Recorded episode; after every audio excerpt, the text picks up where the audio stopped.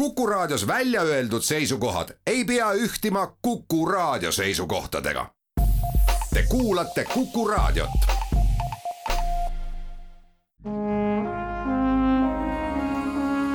Vanemuise veerand. tere kõigile teile, head Kuku raadio kuulajad, täna on saates külas lavastaja Mari Jaanus, tere! oo, tere päevast, nii tore sissejuhatus. Lavastaja ja puha mm. -hmm. jah, sest meie jutuajamise ajendiks on uue nädala laupäeval, kaheksateistkümnendal veebruaril esietenduv lastemuusikal Sipsik. mina olen Tiiu Rööp. Sipsik sündis Eno Raua ja Edgar Valteri ühisloominguna, ma ütleks nii. Edgar Valteri loodud Sipsiku visuaal on väga tugev, väga kaua aega tagasi. kui palju kuulus Sipsik sinu lapsepõlve? oli ta sinu üks lapsepõlve lemmiktegelasi? ma ei saaks öelda, et oli lemmiktegelane.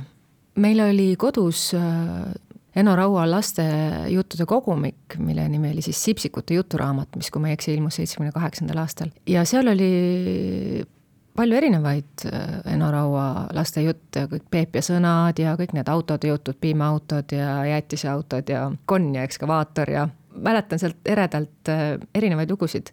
Ja Sipsiku jutud olid üks osa sellest, aga mul ei ole sellist tugevat nagu eristust, et oleks sellel hetkel mulle olnud kuidagi olulisem või kallim, et ma oleks neid Sipsiku jutte rohkem lugenud. aga ma mäletan loomulikult Sipsikut muusikali Sipsik teeb väga põnev kooslus. heliloojad on Evert Sundja ja Tauno Ants.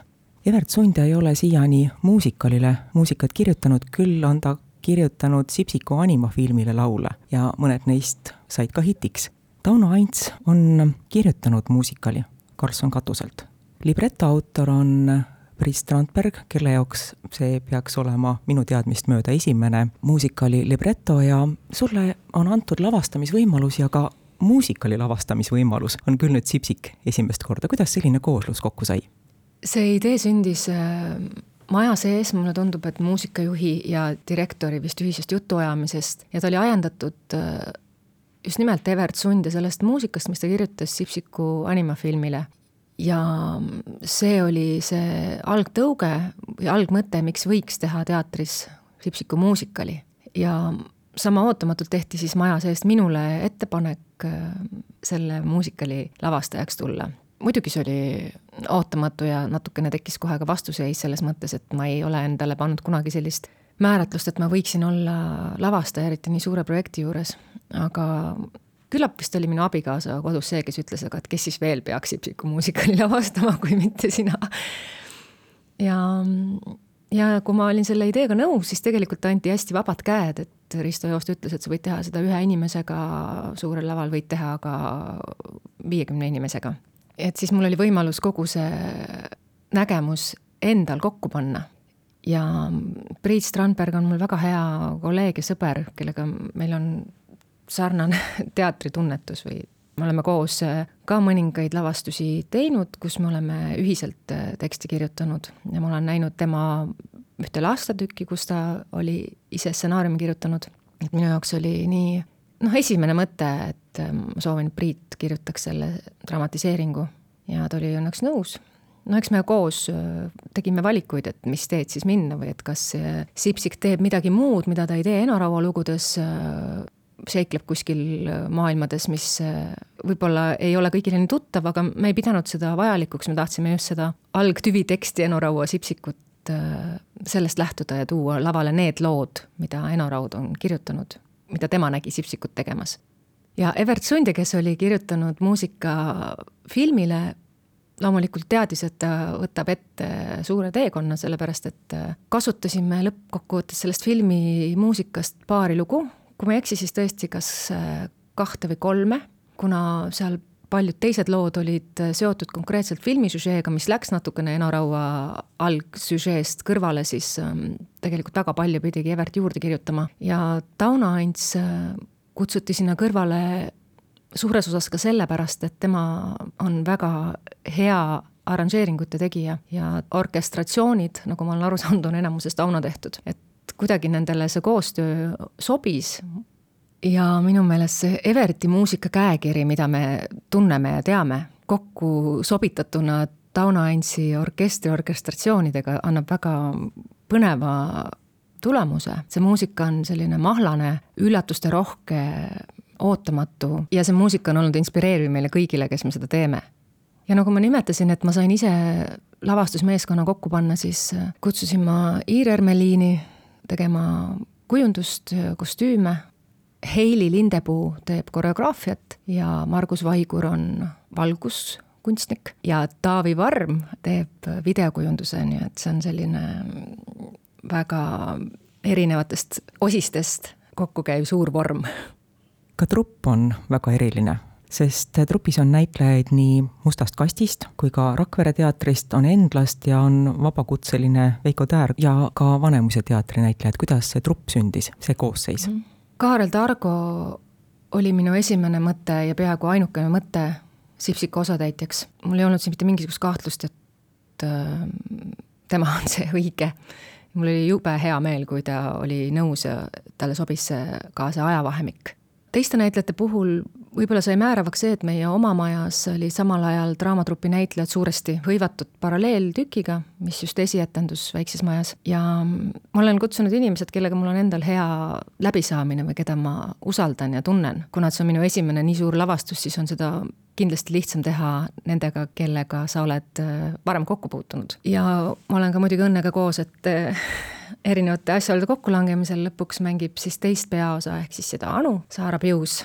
Nad on äh, Kaarliga väga kihvt paar, nad on hästi töökad, hästi paindlikud, hästi kiire reaktsiooniga, omavahel väga hästi kokku sobivad. noh, suur rõõm on nendega igapäevaselt proovisaali minna. kes on Mardi rollis? Mardi rollis on meil äh, lausa kaks näitlejat, on Ott Raidmets äh, Pärnust ja oma majast on Kaarel Poga, kes sellel aastal tegelikult on äh, asendusteenistuses, aga tal õnneks õnnestus klapitada oma tööaega niimoodi, et ta saab ka Mardi osa teha, nii et nad siis Otiga seda jagavad, seda vastutust kes on ema ja kes on isa ja kes on vanaema rollis, seda mhm. saavad vaatajad teada siis, kui nad vaatama tulevad. meie jutuajamise alguses ma jätsin ütlemata selle, et et Sipsik tuleb välja Vanemuise teatri suures majas, suurel laval. Sipsiku lugu minu jaoks on väga intiimne lugu. kuidas te selle suurele lavale tõite? jaa, see on õige, kui ma esimesel hooga selle peale ise ka mõtlema hakkasin, et kuidas seda materjali võiks siis äh, esiteks muusikaliks vormida, teiseks suure maja muusikaliks vormida, siis oli selge, et äh, see tõesti kahe inimese lapse ja tema nuku, kes on tegelikult nii väike nukk, kes mahub talle sülle, et kuidas seda lugu paisutada nii visuaalselt kui ka teksti mõttes nii suureks, et ta võiks välja kanda siis Vanemuise suure saali muusikali vormi. ja minu tingimus oli see, et ei läheks kaduma see lugu, mis on ühe lapse ja tema kõige kallima kaisunuku vahel.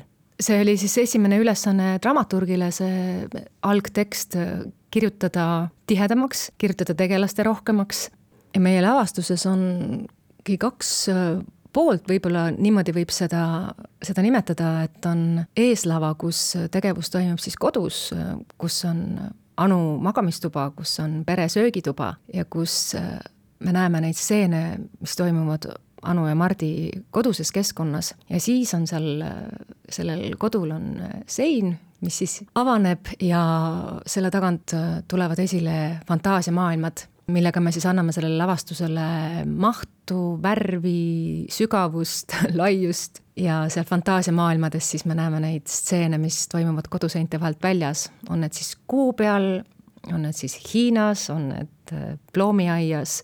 sellise nõksu me kasutusele võtsime, et ähm, eristada ära argipäev ja fantaasiamaailm ja selleks annab Vanemuise suur lava tohutult võimalusi. siin sa oled väga tänulik meie valguspargile, meie tehnilistele võimalustele, et tegelikult on võimalik see intiimne lugu mm, suureks ja mahukaks teha küll ja tuua sisse tegelasi kümnete kaupa, keda võib-olla esimesel lugemisel sa seal raamatus ridade vahel ei märkagi, aga nad on seal olemas ja need saab sealt eh, ellu äratada küll ja seda Priit Strandberg on teinud. Priit on väga hästi sellesse loosse toonud eh, elu ja elevust ja, ja fantaasiat sisse ja meie teha on praegu see laval niimoodi elustada, et äh, see oleks lastele üks seiklusrikas ja värviküllane vaatamine.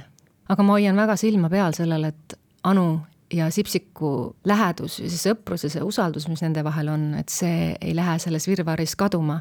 ja et kui ma vaatan Eno Raua lugusid, võtan neid ükshaaval ette, siis igas selles loos tänu Sipsikule justkui Anu õpib midagi, ta õpib julgust, ta õpib hakkama saama üksindusega, pimedusega, ta õpib ujuma see on Anu jaoks natukene nagu suureks saamise lugu, et seal on palju teadmisi või väärtusi või oskuseid, mida ta omandab läbi Sipsiku või mida Sipsik julgustab tal tegema või üle saama mingitest hirmudest ja julgustab Anu tegelikult suureks saama, valmistuma kooliks ja valmistuma ka selleks hetkeks, kui ta tegelikult enam ei vaja seda sõpra, kes sellel teel teda aitas.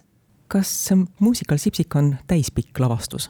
Jaa, ta on kahes vaatuses ja ma arvan, et mõlemad vaatused tulevad nelikümmend viis kuni viiskümmend minutit pikad. seal on juba mõlemas vaatuses, ma arvan, ligi kuus, seitse, kaheksa muusikanumbrit ja samavõrra ka siis äh, stseeniteksti, et on ikkagi laste jaoks selline täies mahus äh, teatrielamus.